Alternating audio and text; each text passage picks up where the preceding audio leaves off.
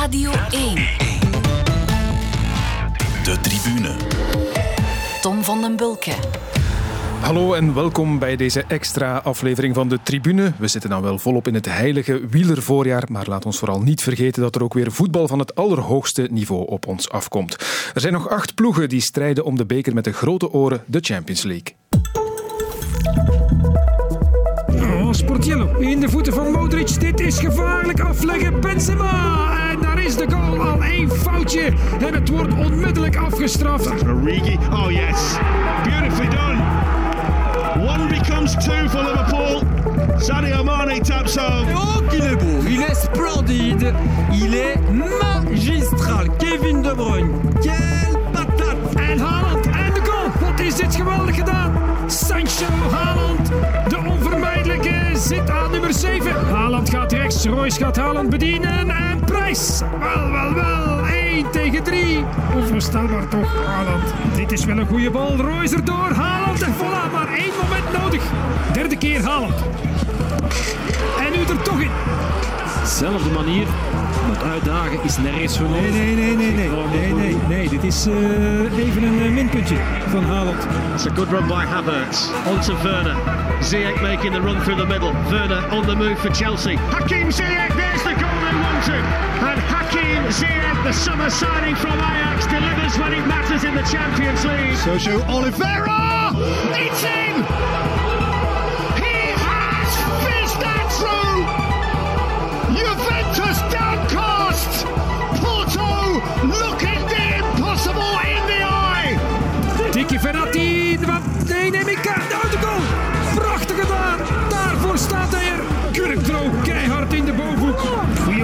Florenzi neemt hem mee. En Icardi. En oh, nog opgeruimd. En toch de goal weer van Mbappé. Het is 1-2 voor Paris Saint-Germain. Mbappé. Het is de avond van Kylian Mbappé. Nee, het is geen luitenant. Het is een generaal van het Franse leger dat hier Catalonië verovert.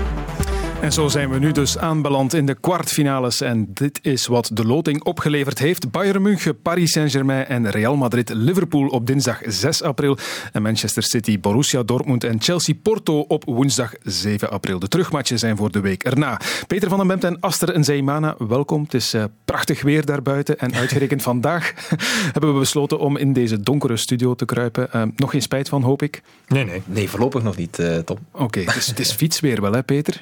Eh, gisteren geweest en eh, morgen opnieuw, dus eh, vandaag geen nood aan. Hoe is het met de voorjaarsconditie? Eh, zeer goed op mijn niveau. het is nog geen coronaconditie, want dat was, eh, ik zou zeggen, de absolute piek in mijn eh eh, wielerbestaan was vorig jaar, zo ergens in mei, denk ik, mei, begin juni. Ja. Dus daar kom ik nooit meer aan, maar het is, eh, het is goed genoeg. Goed weercoureur of eh, slecht weercoureur? Nee, nee, ik fiets in alle mogelijke omstandigheden. Ah, dus ik fiets ook bij min 10 of eh, in de gutsende regen. Mhm. Maar ik heb, eh, niet dat het dan eh, leuk is natuurlijk, maar nee, ik fiets, eh, ik fiets eh, de hele winter door eigenlijk. Maar ik fiets liever zoals het nu is. Eh, Zoals eh, gisteren, even wel eh, een kilometertje of tien eh, bij tegenwind, eh, des, gestorven in het wiel van Eddy Snelders. Ik ons gezegd dat, dat hij geen conditie had, maar dat zal dan eh, toch een ander, op een andere schaal gemeten zijn dan de mijne. Ja, ja, absoluut. En fietsen ook vaak met Gert Verheijen. Wie van die twee is, eh, is de beste eigenlijk? Ah, Eddie Snelders ja, of Gert? ook, ja, Gert. Ja. Want, eh, er wordt wel vaak gezegd van, eh, van eh, profvoetballers dat het eh, geen echte sporters zijn. Maar als je met gewezen profvoetballers gaat, eh, gaat fietsen, dan merk je toch dat zij ex-topsporters zijn geweest. En zelfs op mijn eh, piek kan ik daar toch niet aan. Dus het heeft vooral ook te maken met power, denk ik, in het Mhm. eh, geval van die twee. Dus op het vlakke kunnen zij eh, snelheden ontwikkelen die ik eh, ook kan halen, maar dan met de motor. Ja.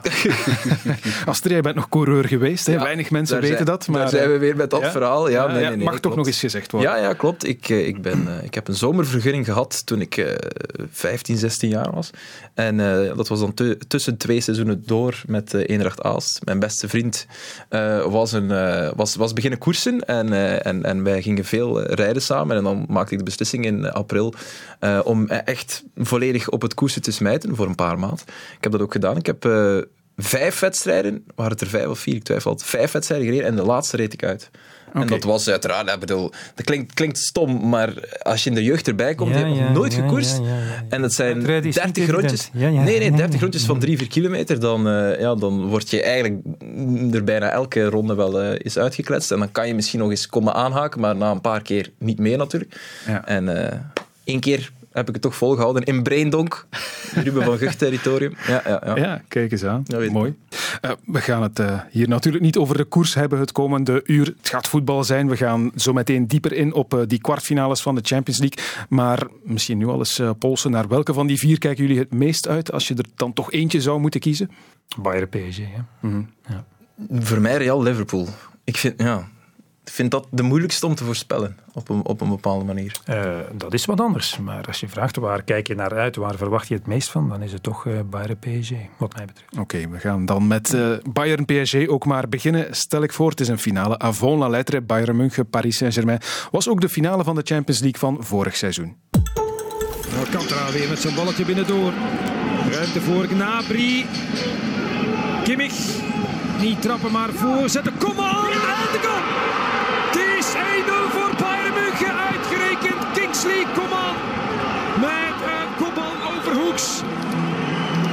De geest is uit de fles. De kop is eraf. Bayern heeft gescoord. Een Parijzenaar brengt PSG in de problemen. Uitstekend van Kimmich Salihamidzic. Toont zijn emoties op de bank. Kingsley Coman 1-0 Bayern München. 1-0 en het bleef bij dat ene doelpunt. Zo won Bayern München de Champions League. Peter, gaan we nu een soortgelijke wedstrijd krijgen zoals toen in die finale, denk je? Hoog tempo, veel kansen, powerplay van Bayern? Eh, Bayern gaat voetballen zoals het dat eh, altijd al heeft gedaan. En als het eh, heel goed is, zal het proberen om de dominante partij te zijn. Dus dat zal, niet, dat zal niet veranderen. Maar ja, het nieuws van de dag is natuurlijk... Het is zonder Lewandowski. Dus dat, dat eh, zet deze wedstrijd, of dat, dat eh, maakt er toch een, eh, een ander uitgangspunt van. Hè. Als je kijkt, Lewandowski, eh, 42 doelpunten voor Bayern München. Dit seizoen heeft in drie wedstrijden die ertoe doen, zal ik maar zeggen. In, in de Champions League en, en de Bundesliga niet meegevoetbald. Al de rest is hij altijd van de partij, want de blessures bij Lewandowski, dat is hoogst, hoogst uitzonderlijk. Ik heb een tijdje geleden, had ik eens het percentage. Ja, dat was minimaal het aantal wedstrijden dat hij in zijn lange carrière op toch een positie waar je redelijk veel moet incasseren. Ja. Het aantal wedstrijden dat hij heeft, heeft gemist. En als je kijkt hoe vaak hij wordt opgesteld. Ja, dan is dat toch een krater die geslagen wordt eh, voorin. Want, want anders dan bijvoorbeeld onder Guardiola, waar ook al wel een keer werd gevoetbald met een, met een valse negen bij Bayern München. Ja, is dat eigenlijk nog niet gebeurd. De keren dat hij er niet bij was, was het ja, Choupo-Moting. Ja, dus dat met is het alle respect, probleem. dat is natuurlijk toch niet helemaal hetzelfde eh, als, als Lewandowski. Dus ja, dat, dat, eh, dat verandert toch een beetje de krachtsverhoudingen, denk ik, in deze wedstrijd. Ja, Lewandowski, het is zoals je zegt heel zelden geblesseerd. En dan gebeurt het nu tegen Andorra, God betert, in een interland eh, met Polen. Dat zal ook wel extra zuur zijn natuurlijk voor Bayern, dat het dan op die manier moet Ja, gebeuren. het was een relletje in de Poolse pers ook. Er waren een paar eh, Poolse sportjournalisten die maar niet begrepen waarom Lewandowski per se moest eh, meedoen tegen Andorra. Ja. Waarop de bondscoach dan counterde, of het was de sportief directeur denk ik van, van Polen, counterde dat Lewandowski veel van zijn doelpunten voor Polen heeft gemaakt tegen de kleine landen. Dus dat ze hem daar dan toch altijd gebruiken. Op jacht naar een record. Maar ik denk, het grootste probleem bij Bayern München is, ze hebben de pech dat er 42 doelpunten, je hebt ze geteld, Peter, wegvallen. Maar ook dat het de enige positie is waar ze eigenlijk geen deftige backup voor hebben. Je ziet dat vaker. Bij, bij Tottenham had je eigenlijk voor Carlos Vinicius ook geen goede vervanger voor Kane, omdat als er een gigant in de spits staat, ja, geen enkele deftige spits wil daar op de bank, of wil op de bank komen zitten natuurlijk. En, eh, dus dat is, de, dat is de pech die ze hebben bij, bij Bayern. Overal, hey, Gnabry is ook top, Coman is top, eh, Sané is top, maar er spelen altijd maar twee van de drie. Dus daar heb je toch altijd nog een vervanger als er eentje uitvalt. En bij Lewandowski heb je echt, echt niemand. Ja, hoe, ben echt hoe benieuwd moet het dan opgelost worden, Ja, dus, dus ik zijn zei een paar de keer dat hij het gedaan heeft, heeft hij Choupo-Moting gezet.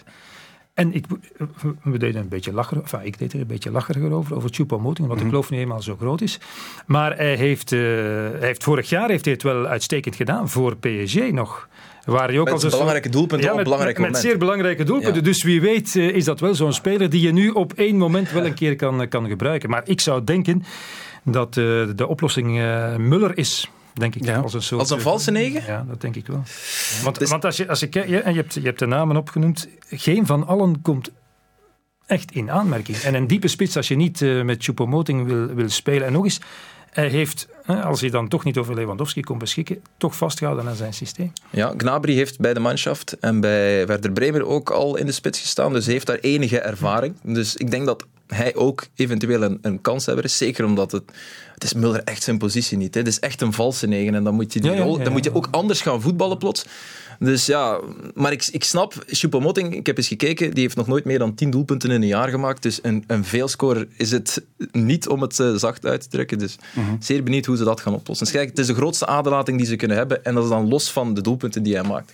Er is ook Jamal Musiala, dat nieuwe wonderkind van 18 jaar, jongste doelpuntenmaker ooit voor eh, Bayern in de Champions League. Kan, kan hij iets betekenen in dit verhaal nu, in, in de sleutel die de oplossing moet bieden?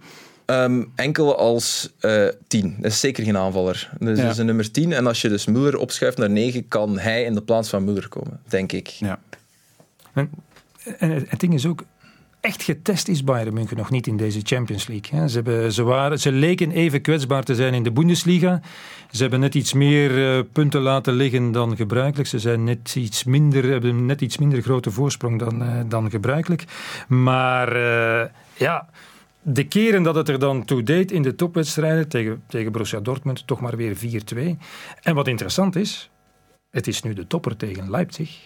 Ze kunnen al meteen een keer op het allerhoogste niveau de oplossing die ze graag tegen PSG willen gebruiken uittesten. Dus dat is wel interessant dat ze dat kunnen doen nu zonder Lewandowski. Of ze kunnen het seizoen, uh, als ze het opkomst krijgen, vergooien in uh, drie, vier weken tijd. Dat kan ook natuurlijk. Als we het dan toch over spitsen hebben, dan uh, moeten we natuurlijk ook eens kijken naar uh, Paris Saint-Germain. Daar loopt er eentje rond die uh, vrij goed bezig was al in de achtste finales tegen Barcelona. Kylian Mbappé. Kylian, comment vous expliquez cette différence de, jeu, de niveau de jeu du PSG entre les six premiers mois qu'on a vus et ce niveau ce soir qui était vraiment fantastique? C'est de la continuité. C'est de la continuité. Je pense que voilà, le coach il a fait un, merveilleux travail depuis qu'il est arrivé, mais il a continué le travail de, Thomas Tuchel, qui avait commencé un travail extraordinaire avec la finale. Après, bien sûr, euh, ça a été un peu, on a été un peu chahuté parce que voilà, il y a eu le Covid, il n'y a pas eu de préparation. On peut pas se donner d'excuses, mais la vérité c'est que c'est un constat. Donc, euh, mais voilà, on est, on commence à être de mieux en mieux physiquement. Je pense qu'on n'est pas encore au pic de, notre forme. On peut faire encore mieux, même si voilà, c'était très bien aujourd'hui, mais on va essayer de continuer à progresser pour euh, répéter ce genre de match. Kylian Mbappé, we hebben voortgebouwd onder Pochettino op het werk van uh, Thomas Tuchel, vertelde hij. We zitten nog niet op onze piek, dat vertelde hij allemaal na de overwinning van uh, PSG op Barcelona. 1-4 werd het daar, een remontada kwam er dit keer niet. Mbappé, die toen goed was voor drie doelpunten, wordt hij ook nu weer een beslissende factor? Dat denk ik wel. Het is uh, een van de allerbeste spitsen van de wereld. En uh, om nog even over die remontada te, te, spreken die er niet kwam, ze had er makkelijk kunnen komen. Ja, als ze de kans Na de heenwedstrijd dacht ik, uh, PSG adembenemend. Ongelooflijk zoals ze een, zieltogend Barcelona over de knie legden. Met inderdaad Bappé, maar ook Ferrati was outstanding. Paredes op het middenveld was echt een totaalprestatie. Ze hadden echt dat juk van zich afgeschud. Hè, want iedereen dacht, oei, hoe gaan ze zich presenteren in Camp Nou? Daar waar ze die 6-1 hebben gekregen was niets van te merken. Maar wel in de terugwedstrijd. Terwijl ze nu een nieuwe coach uh, hadden en, en de grote fout die ze hadden gemaakt om die 6-1 te verdedigen, namelijk veel te laag gaan staan, veel te veel gaan verdedigen. Ja, dat deden ze gewoon in een thuiswedstrijd. En als het een klein beetje meezit voor Barcelona en als Navas niet een paar geweldige reddingen doet, dan gaan ze er gewoon uit. Mm. En dat doet mij nu ineens wel veel twijfels hebben bij, bij PSG in deze Champions League. Vond ik eigenlijk alles bij elkaar onbegrijpelijk. Nadat je het eigenlijk allemaal van je af hebt geschud in die heenwedstrijd in, in Campenau en daarvoor een historisch resultaat hebt, hebt gezorgd. Ineens viel dat allemaal weg. He, terwijl ze het op uh, Barcelona moesten doen zonder Neymar, toen ook nog zonder Di Maria. Die kwam er dan bij voor, uh, voor de terugwedstrijd. Ja, dat was toch, dat was toch uh, heel erg vreemd. nadien hebben ze nog wel overtuigende prestaties neergezet. Dat denk ik dan tegen, tegen Lille in de beker. En dat is toch de, de uitdager. Mm-hmm. Gewoon 3-0. Lyon, ja.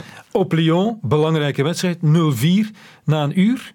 Um, en oké, okay, dan verliezen ze wel binnen, tussendoor een keer van, van, van Nantes. Overigens, ook zij spelen een topwedstrijd tegen uh, Lille dit weekend. Dus ja. wat dat betreft is ook dat interessant. Mm-hmm. Uh, dat doen ze dus allebei uh, tegen de rechtstreekse concurrenten. Maar ja, ineens denk ik, ja, wat is er dan PSG overkomen eigenlijk in die terugwedstrijd? Goed, het is, ze zijn er zonder schade doorgeraakt, maar dat vond ik op zich wel, wel onbegrijpelijk voor een ploeg die ondertussen toch heel wat kilometers op de teller heeft in de Champions League. Ja, Neymar was er twee keer niet bij tegen Barcelona, komt nu als er terug uit blessure. Kan hij een grote rol spelen in die wedstrijden tegen Bayern München? Of moet je dan misschien eerder kijken naar die Moise Keane, die het eigenlijk wel heel goed doet bij Paris Saint-Germain in de spits? Als het gaat over het verschil maken, denk ik dat je het nog altijd hebt over Mbappé, Neymar, Di Maria. Denk je. Mooiste Ken is, of Keen moeten we zeggen, Ken, Keen, in Mhm. Italië zeggen ze Ken, Ehm, is, is, een, is een heel nuttige speler, maar die zet zijn eerste stappen naar ehm, een gevestigde spits worden op het allerhoogste niveau. Hij heeft eigenlijk een, een verloren jaar gehad vorig jaar bij Everton. Maar die schatten we denk ik nog niet in, in de categorie eh, verschil maken op dat allerhoogste niveau. Ehm, dat dat hou, je, hou je aan Mbappé en Neymar. Neymar die denk ik wel nog maar 20 minuutjes heeft gemaakt tegen Lyon, dus zijn- dat is natuurlijk al een paar weken geleden, dus is misschien nu wel klaar om, eh, om aan de wedstrijd eh, te beginnen. Maar ik kan niet inschatten eh, hoe hij voor de dag zal komen. Ja, want, want de allerbeste Neymar van bij Paris Saint-Germain zagen we in de Final Eight. Toen hij echt gebrand was om PSG naar de, naar de Champions League te leiden. Dat was, ja, wat ik zeg, zijn allerbeste niveau dat hij heeft gehaald bij, bij PSG. Ook, ook tegen Bayern München overigens nog. Alleen is de vraag, ja, kan hij dat op, eh, met zo weinig eh, ritme in de benen eh, nog een keer herhalen? Tegen ja, een ploeg die van een wedstrijd altijd een, een zware fysieke slag maakt. In die zin dat ze, dat ze intensiteit en tempo in leggen. Ja, als we het erover eens zijn dat de kracht van PSG toch vooral in het aanvallende compartiment eh, ligt, ja, zijn we dan overtuigd van de verdediging van Bayern München? Want we hebben het even opgezocht, 26 competitiematchen, 35 tegengoals voor Bayern daar. Dat is bijvoorbeeld meer dan Leipzig en Wolfsburg, de nummers 2 en 3 uit de Bundesliga. Staat het huis bij Bayern achterin stevig genoeg voor wanneer wervelwind Mbappé passeert? Maar diezelfde vraag hebben we ons gesteld voor de finale van de Champions League. En uh, ik heb het al vaak het citaat, omdat ik het zo mooi vond, uh, gedebiteerd van, van de coach Hansi Flick. Hè, want die vraag kreeg aan de vooravond van de finale. Want Bayern München speelt en laat spelen, bij wijze van spreken. En hij zei, wij omarmen het risico. Mhm. Dus wij spelen en we nemen uh, de risico's erbij. En er is geen enkele reden waarom, uh, waarom uh, Bayern het, het anders zou aanpakken. En, en er zijn toch een aantal spelers die... Boateng wordt, ik ben het daar nu persoonlijk niet mee eens, maar wordt stilaan ook weer dicht tegen de nationale ploeg aangeschoven. Samen met vooral Hummels en Müller natuurlijk. Maar ja, Boateng wordt daar in één adem ook wel, wel bijgenoemd. Dus in principe heeft Bayern München alles bij elkaar nog wel een, een, een, stevige defensie. Alleen is het inherent aan hun manier van spelen dat ze kwetsbaar zijn en dat, uh, dat de defensie, zal ik dan maar zeggen, blootgesteld wordt. Ze spelen ook altijd met ongelooflijk veel ruimte in de rug. Voilà. Rug. Maar, maar ja, uh, nog een keer, Flick zei, zo voetballen wij. Zo zijn we de beste van de wereld geworden. En nu kan hij ook nog aan toevoegen, zo hebben we ook de Champions League gewonnen. Dus zo gaat hij blijven spelen. En de beste Mbappé, als het een paar keer tegen zit, kan er natuurlijk van profiteren. En dan zullen we zeggen, Bayern is naïef geweest. Ja. We hebben het al uh, laten vallen daarnet, Aster, dat uh, PSG van coach veranderd is een ja. tijd geleden. Exit Tuchel, enter Pochettino. Is dat dan ook een anders voetballende ploeg geworden, PSG? Um, ik, ik, heb ze, ik moet je wel eerlijk toegeven dat ik uh, geen tien competitiewedstrijden van PSG ja. gezien. We hebben de grote momenten gezien natuurlijk onder Pochettino, maar het is wel zo dat er heel veel um, uh, hoe moet ik het zeggen, delen van de theorie van Tuchel overeenstemmen met die van, uh, van Pochettino. Namelijk hoog, hoge druk zetten. Dat Duitse, dat Tuchel heeft, omdat hij uit de Duitse school komt, dat we ook in de tijd bij, bij Dortmund hebben gezien, dat we eigenlijk nu bij Chelsea stilletjes aan aan het zien zijn. Daar is het aanvallend uh, lang nog niet uh, top. Uh, daar is het defensief beter zelfs. Maar dat zagen we bij, bij Pochettino ook in zijn, in zijn Spurs-tijd. veel beweging, veel dynamiek op het veld. En dat, dat heb ik gezien in die wedstrijd op... Op, op Barcelona, veel hangt af van de mindset. En Peter stelt inderdaad terecht de vraag. We hebben het Mbappé horen zeggen over continuïteit. Mm -hmm. wel, ik, ik, moet, ik moet zeggen dat de terugwedstrijd in Parijs, dat dat ook deel was van de continuïteit. Want daar trok PSG zich zoals vanouds wel is, als het te heet wordt onder hun voeten, terug. Dus ik hoop dat ze dat juk van zich af kunnen werpen. Ja, ik denk dat het verschil zeker ook zit in het management van de kleedkamer. Tuchel was naar het einde toe nauwelijks nog de sportieve baas van, van PSG, omdat te veel van de vedetten de rechtstreekse lijntjes hadden benut om uh, zijn positie toch een beetje uit te hollen. En ik denk dat dat met uh, Pochettino op dit moment, ja zeker, ik denk dat dat met Pochettino op dit moment uh, helemaal anders is eigenlijk. En het discours van, van Tuchel was toch een beetje, een beetje uitverteld.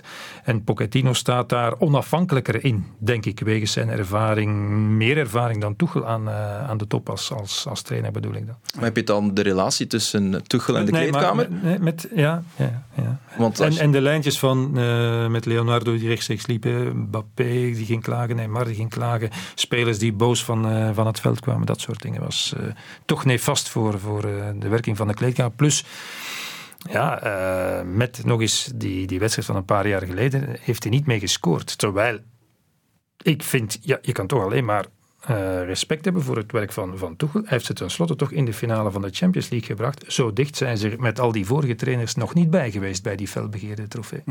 Op basis van eh, wat je daarnet zei over de terugmatch van PSG tegen Barcelona, leid ik af dat je Bayern als favoriet ziet in deze confrontatie. Voor mij wel, een tijdje geleden zaten Ja. we hier ook bij het begin van de achtste finales. Toen hebben jullie weliswaar nog allebei vrij voorzichtig Bayern ook genoemd als eindwinnaar van de Champions League. Staan we daar nog altijd achter? Maar ik stel me echt veel vragen bij hoe ze het gaan oplossen, Lewandowski. Dat, dat, dat, dat is voor mij echt... Cruciaal. een- een- ja, vind ik echt cruciaal. Ik ben he- heel benieuwd. En, en je weet hoe het werkt in het voetbal. Je haalt er één schakel uit die, die niet klikt met de rest van de schakels, met de andere schakels. En kan echt, eh, kan echt eh, verkeerd uitdraaien. Dus, Ja, ehm, dus uiteraard moet je zeggen, Bayern favoriet. Want oké, kijk naar hoe ze voetballen al een heel seizoen. Maar voor het eerst zit er een onbekende factor in. Dus ik steek mijn hand er echt niet voor in het vuur. Nee, nee, het, het is, eh, ik zeg het, het heeft eh, krachtsverhoudingen tegen, eh, tegenover PSG veranderd. Hoe je het ook draait of keert. Zonder een van de allerbeste spitsen, misschien wel de beste spits eh, van het moment. Ja, dan heb je een andere ploeg.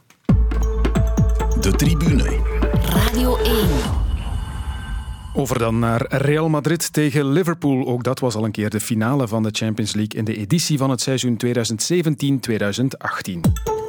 Sa. He's crying. He's out. What a shot for Liverpool and their supporters in adversity. It's far more straightforward to Raul. It's a goal. Extraordinary. Benzema taking advantage of the error by. Space and room for Ronaldo to try and maneuver an opening. Marcelo. He's got three to pick out. It's the spectacular. It's Gareth Bale. Wonderful goal. Bale. Oh, he's gone for it. And it's gone straight through the goalkeeper's hand. It's over. And Real Madrid have won their third consecutive UEFA Champions League. What a night in Kiev. En zo won Real Madrid dus mede dankzij het geblunder van doelman Karius. Laat ons eerst eens kijken naar het huidige Real nu. Peter, je weet dat we hier eerder gedane uitspraken in de tribune altijd zeer goed bijhouden. En, eh, we hebben er al maar eentje klaargezet. Laat Dit- eens horen. Dit zei je over Real Madrid in onze podcast van ruim anderhalve maand geleden. Real Madrid gaat wel voorbij Atalanta geraken. Omdat Atalanta gaat spelen, zijn spel spelen zoals we dat eh, graag zien. En zoals we ons eigenlijk eh, bekoord hebben vorig jaar. En het eh, cynisme, zo mag je dat toch noemen, van, van eh, Real Madrid. En die ervaren ploeg eh, in de handen van Zidane gaat dan toch uiteindelijk het verschil maken. Dus één ronde gaan ze nog wel overleven. En Kijk, noteer het. Eh, dus ik zeg hier nu, Real Madrid kan natuurlijk nooit de Champions League winnen dit seizoen.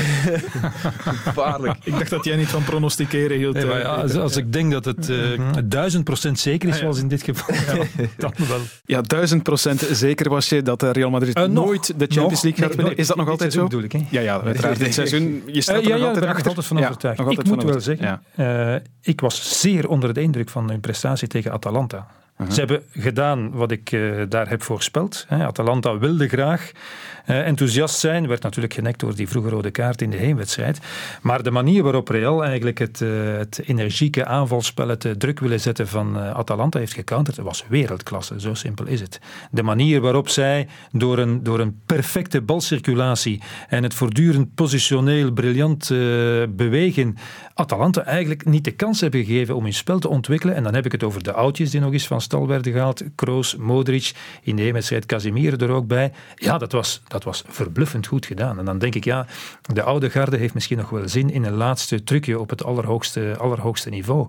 En, en, en voorin heb je dan Benzema, die eh, geen kans nodig heeft om, om eh, toch te scoren. Dus, dus ik vond het indrukwekkend. De manier ook Ja. waarop ze op de twee wedstrijden eigenlijk, ook in de terugwedstrijd, dan zei de coach, ah, 11 tegen 11 wil ik het nog eens zien. Wel, Real was opnieuw meester. En, en ze hebben er geen spektakelstuk van gemaakt. Maar het was... Het was uh, want meer dan cynisme. ja, wel dat wilde ik net zeggen. Ik heb het uh, cynisme. Nee, het was, het was niet alleen maar verdedigen en, en uh, alle hens aan dek en rekenen op Courtois en Ramos en dan er vooraan in binnenduwen. Nee, ze, ja, ik moet zeggen, ik was onder de indruk van, van, van de ja. manier waarop ze het hebben gedaan. Maar nu dus tegen een Liverpool dat toch op de sukkeltour is. stel dat zou ook nog kunnen. Stel dat dat lukt, dan wordt het een halve finale tegen Chelsea of Porto. Dat wel, lijkt me dan ook weer niet onoverkomelijk. Dus dat, dat, is dan het grote geluk. Ze zitten in de, in de goede helft van de tabel natuurlijk. Ja. Dat heb ik natuurlijk ook wel opgemerkt. Maar uh, dan kom je nog altijd natuurlijk in de finale tegen uh, een van de grote kanonnen. Tegen Dortmund. En uh, nee, dan, ga, dan, gaat het, dan gaat het toch niet lukken. Dus ik blijf bij mijn, bij mijn stelling. Maar, maar voor mij zijn ze tegen Liverpool wel opnieuw favoriet. Dat wel. Ja. Um, als er wat Peter zegt, Benzema draagt daar in zijn eentje de aanval, maakte er dit seizoen al 23. Uh, als je dan kijkt naar het lijstje van doelpuntenmakers bij Real Madrid, dan kom je uit bij de tweede, dat is Casemiro met mm. vijf goals. Dus daar zit echt wel een, een groot gapend gat tussen, tussen die twee.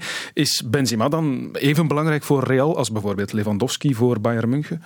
Um, als je kijkt naar doelpuntenproductie wel. Uh, dus het is, alles is relatief natuurlijk. Maar als je kijkt naar de, de Benzema die de voorbije weken alles wat hij uh, raakte ziet binnenvliegen, ja, moet je, moet je ja zeggen. Moet je ja zeggen. Het is wel een verschil um, als... Ja, nee, nee, nee, nee, eigenlijk niet. Nee. Ja, het, bedenk me nu met zin. Nee, eigenlijk, eigenlijk is hij even belangrijk. Ja. Er is ook niet echt een vervanger voor hem. Lewandowski speelt in een ploeg die geweldig draait en die altijd dominant is en, en veel kansen creëert. Dat is bij Real Madrid al, niet altijd het geval. Ze komen vaak nog terug van een achterstand. Hij heeft die ene kans en benut die ene kans. En, en wat ik vooral vind, is uh, de manier waarop hij zich heeft getransformeerd van de luitenant van Ronaldo ja. in de schaduw van Ronaldo zoveel mogelijk ballen aan Ronaldo geven en daarna het gewicht van de aanval op zijn schouders gekregen en ook, uh, en ook gedragen. Dus, dus uh, ik vind Benzema ook bij de allerbeste spitsen uh, van de wereld. En ook, en, en ook goed bewegen, goed komen meevoetballen, afhaken. Het is niet maar een spits die voorin staat te wachten om de bal binnen te duwen. Dus nee, Benzema is, is absoluut de wereldtop. En we mogen ons gelukkig prijzen dat hij pas in het najaar, heb ik vandaag gelezen, voor, het, voor de rechtbank moet verschijnen. In het verhaal van de, ja. van de sextapes. Waardoor hij nog altijd niet op het EK zal aanwezig zijn. Maar stel je maar eens voor dat die geweldige Franse ploeg dan ook nog eens Benzema kan opstellen in plaats van Giroud. Ja, dan kan je daar niet aan beginnen. Nee, hij is niet meer van de jongste natuurlijk. 33, Modric is 35, Ramos is 35, Kroos is 31. Je zei het daarnet al, de oude garde die het nog een keer wil doen. Dit zei Sergio Ramos daar onlangs over. Het is in Spaans. Sergio, tus 34 años son los nuevos 28, los 35 de Modric a qué corresponden, los 33 de Benzema a qué corresponden. Bueno, yo siempre lo he dicho, que al final, eh, cuando llevas tantos años cuidándote, pues eh, lo que llevas sembrando mucho tiempo lo acabas recogiendo, ¿no? En nuestro caso, gente también veterana que al final pues no se puede juzgar a nadie por un, por un DNI. Yo creo que al final es rendimiento, pero nosotros lo más importante es que estamos felices donde estamos y que intentamos dar siempre el máximo nivel, ¿no? Y yo creo que la gente pues siempre debe de valorar eso, el rendimiento, independientemente de, de la edad de unos y otros. Ik twijfel niet aan jullie kennis van het Spaans, maar wat hij dus zei was uh, dat de veteranen niet beoordeeld moeten worden op basis van hun leeftijd, maar wel op basis van hun prestaties. Was trouwens na de match tegen Atalanta dat hij dat uh, vertelde. Ja, maar dat is Ramos dat zeggen. Zo, hè? Ramos mag dat zeggen. We gaan nu ook niet uh, doen alsof het uh, een, een, fantastisch seizoen is van Real natuurlijk. Dat ze er af en toe wel nog eens een juiste, juiste toon uitkrijgen, da, daar, daar schrik ik niet van. Uh, ik denk dat de belangrijkste weken er nu aankomen. Als Real derde eindigt en nu uitgeschakeld wordt door Liverpool, dan moet je toch vragen stellen bij wat de oude garde nog betekent voor Real. Dus uiteraard respect voor, voor de prestaties die ze, die ze leveren. Maar ja. we gaan nu ook niet uh, luid op de borst slaan over het geweldige seizoen dat ze draaien nee, met allemaal die oudjes. En, en ook op het einde nog vaak, net voor die prestatie tegen Atalanta, nog uh, wedstrijden gewonnen tegen staartploegen helemaal op het, uh, op het ja. einde. Het stond toen in de krant ook, ik heb het hier genoteerd. Wat ze zijn is maestro en supervivencio. En ook Más vidas que un gato. Dat is waar van Real Madrid. Hè. Mm -hmm. Hoe vaak hebben we hen eigenlijk al niet afgeschreven in wedstrijden of, of in een seizoen, zoals vorig seizoen eigenlijk. En ja, op een of andere manier, dat is de kracht van, van deze groep. En reken er zich dan bij, dat is dat je ze nooit mag afschrijven. Ik, koppel er nog één vraag aan vast over, over de oudere leeftijd van die spelersgroep. Want komt er misschien straks nog een oudje bij? Volgens uh, Spaanse krant uh, Marca werd Real aan een terugkeer van Cristiano Ronaldo. Oké, dat is speculeren natuurlijk, maar uh, goed, ja, zou dat kunnen? Ik las in datzelfde Marca 20 miljoen per jaar aan basissalaris en dat Florentino Perez zich daar echt niet meer aan, aan zal verbranden. Zeker nu met de Haalands en de Mbappé's. De nivellering moet echt wel beginnen bij Real. Die, was, die moest eigenlijk al twee, drie jaar geleden begonnen zijn.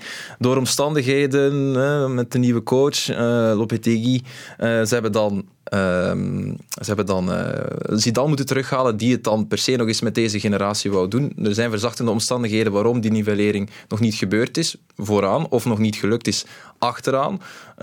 Want als je kijkt naar de as van het veld, staat daar tegenwoordig Nacho en, en Ramos. Dus oké, ook achteraan moet er, moet er dringend geniveleerd worden, al is Ramos dan de enige kapitein die je dan nog zou, zou, laten, zou laten staan.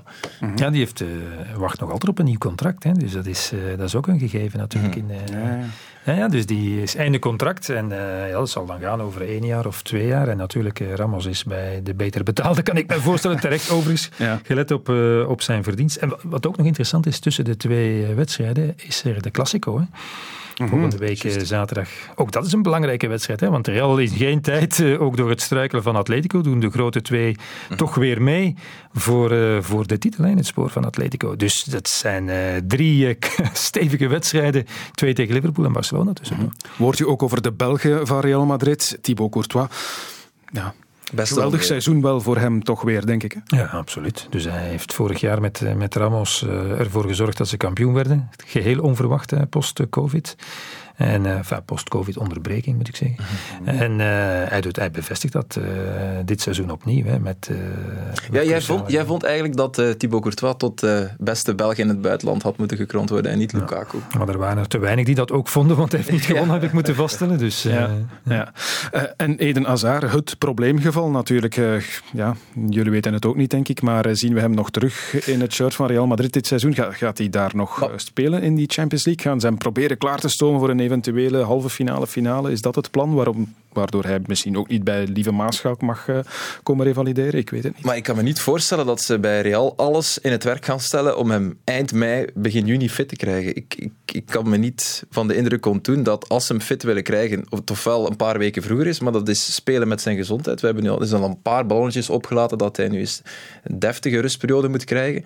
Ofwel volgend seizoen. Wat iedereen zegt, ja, Hazard misschien net op tijd fit voor het EK. Ik denk dat dat de grootste nachtmerrie is van Real nu, dat hij, dat net fit gaat zijn voor het EK. Of misschien toch net, dat dat net iets te vroeg komt, maar dat ze hem toch al gaan inzetten en dat ze weer met de gebakken peren zitten. Volgend seizoen. Dus nee, dat denk ik denk niet dat, uh, dat, ze, dat de staf daarop hoopt. Ja. Het is moeilijk te zeggen, denk ik. Nee, maar goed, ik verbaas me er altijd over dat uh, mensen speculeren over of hij er gaat bij zijn of niet. Ja. Het zijn alleen maar de mensen die hem onderzoeken en die weten het dan eigenlijk ook nog niet zeker. Dus uh, het enige wat we kunnen doen is wachten en zien wanneer hij, weer, wanneer hij weer op het veld staat. Maar het is zeker waar wat Aster zegt. Misschien heeft hij al gezegd, oké, okay, dit seizoen krijgen we de allerbeste Hazard niet meer. Dus we gaan niet te veel vaart maken, zodanig dat hij wel fit is in augustus in plaats van in juni. Daar kan ik mij wel iets bij voorstellen. Real Madrid dus tegen Liverpool, zevende pas in de Premier League. Champions League zou nog alles kunnen goedmaken natuurlijk, Aster, voor Liverpool. Maar ja. is dat een realistisch idee? Um, dat is een realistisch idee, omdat uh, er zijn maar weinig aanknopingspunten voor die theorie natuurlijk de voorbije weken. Hè. We, hebben, we hebben allemaal... Ik ben benieuwd, want ik zie er geen hoor, Aster. dat de weinige... Je hebt het over Leipzig, die andere topclub. De enige ploeg die het Bayern een beetje lastig kan maken uh, dit seizoen. Veel zal afhangen van die, van die topmatch binnenkort. Leipzig twee keer tegen Liverpool gespeeld. De weinige, enige momenten waar Liverpool eigenlijk een teken van leven gaf, buiten dan die wedstrijd op uh, Tottenham uh, anderhalve maand geleden, was wel in die cruciale Champions League wedstrijden. Dus oké, uh, we weten hoe belangrijk de afwezigheid is, hoe cruciaal die afwezigheid is van Van Dijk, van, van Matip, van Henderson, en dat ze geen centrale verdedigers hebben. Maar oké, Real cynisch, dat weten we. Maar als je kijkt naar de defensie van, uh, van, van Real, als je kijkt dat Lucas Vasquez daar de voorbije weken uh, op rechtsachter stond. Ja, die doet, dat, die doet dat daar uitstekend. Behalve tegen Carrasco. Ja, waar, ik heb Atletico Real zitten okay. kijken, Peter, en ik kwam echt vaak in de problemen tegen Carrasco.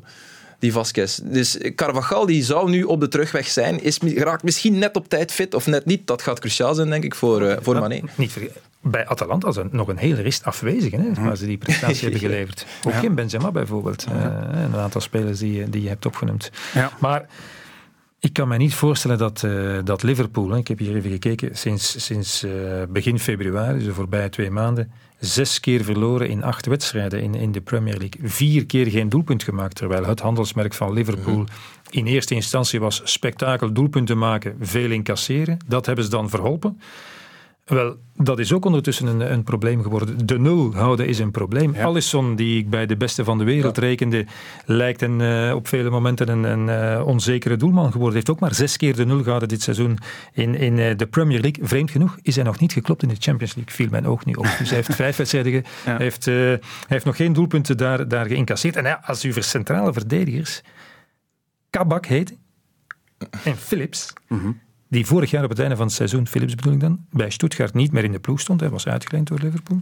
En Kabak heeft de eerste helft van het seizoen bij Schalke 04 gespeeld. En dat was vaak de uitslag. Dus met andere woorden, die heeft vooral verloren. Ja, en als je dan ook nog eens weet dat twee, los van de, de Fab 3 vooraan natuurlijk, twee absolute steunpilaren in dat geweldige Liverpool waren de twee backs, Arnold en Robertson. Ook al omdat ze bovenaardse statistieken hadden qua assists. Zaten allebei een stuk boven de tien. Wel, de ene heeft er, heeft er twee en de andere heeft er drie, denk ik. En Arnold nu, als ik me niet vergis, niet opgeroepen voor nee, de Engelse nationale klopt. ploeg. Ja. Dus dat zijn toch veel mankementen. En het rendement van die drie vooraan is een stuk minder. Oké, okay, Salah heeft nog wel zijn doelpunten gemaakt, maar ook niet meer in de laatste periode. Dus ik zal hier even zeggen, als Liverpool voorbij Real, neem het op, hè? als Liverpool voorbij Real Madrid geraakt, dan zou ik daar stijl van achterover vallen. Oké, okay, dat is genoteerd. van achterover, dat is echt wel... Want je hebt het, je hebt het ja, maar je moet een beetje over... provoceren, daarvoor dient een podcast, hè? geen mainstream master. Nee, nee, nee. nee. Ja. Maar je hebt het over vorm en ik heb de indruk, dit seizoen meer dan ooit, dat dat bij momenten echt Zeggen ze dat ja, door het venster, ja. dat het enorm snel kan keren, omdat er heel veel uh, unieke momenten zijn die eigenlijk niet stroken met wat je van een ploeg kan verwachten, want je, je maakt een analyse die heel correct is, heel juist, en dan kijk je de volgende wedstrijd en dan kan die eigenlijk de vuilbak in. Dus daaraan, en dat is waarom ik dit, uh, ik dit excuseer, het meest interessante duel vind, omdat ik dit echt wel niet... Uh, niet kan maar je weet, vorm en vertrouwen gaan te paard en komen te voeten. Mm -hmm.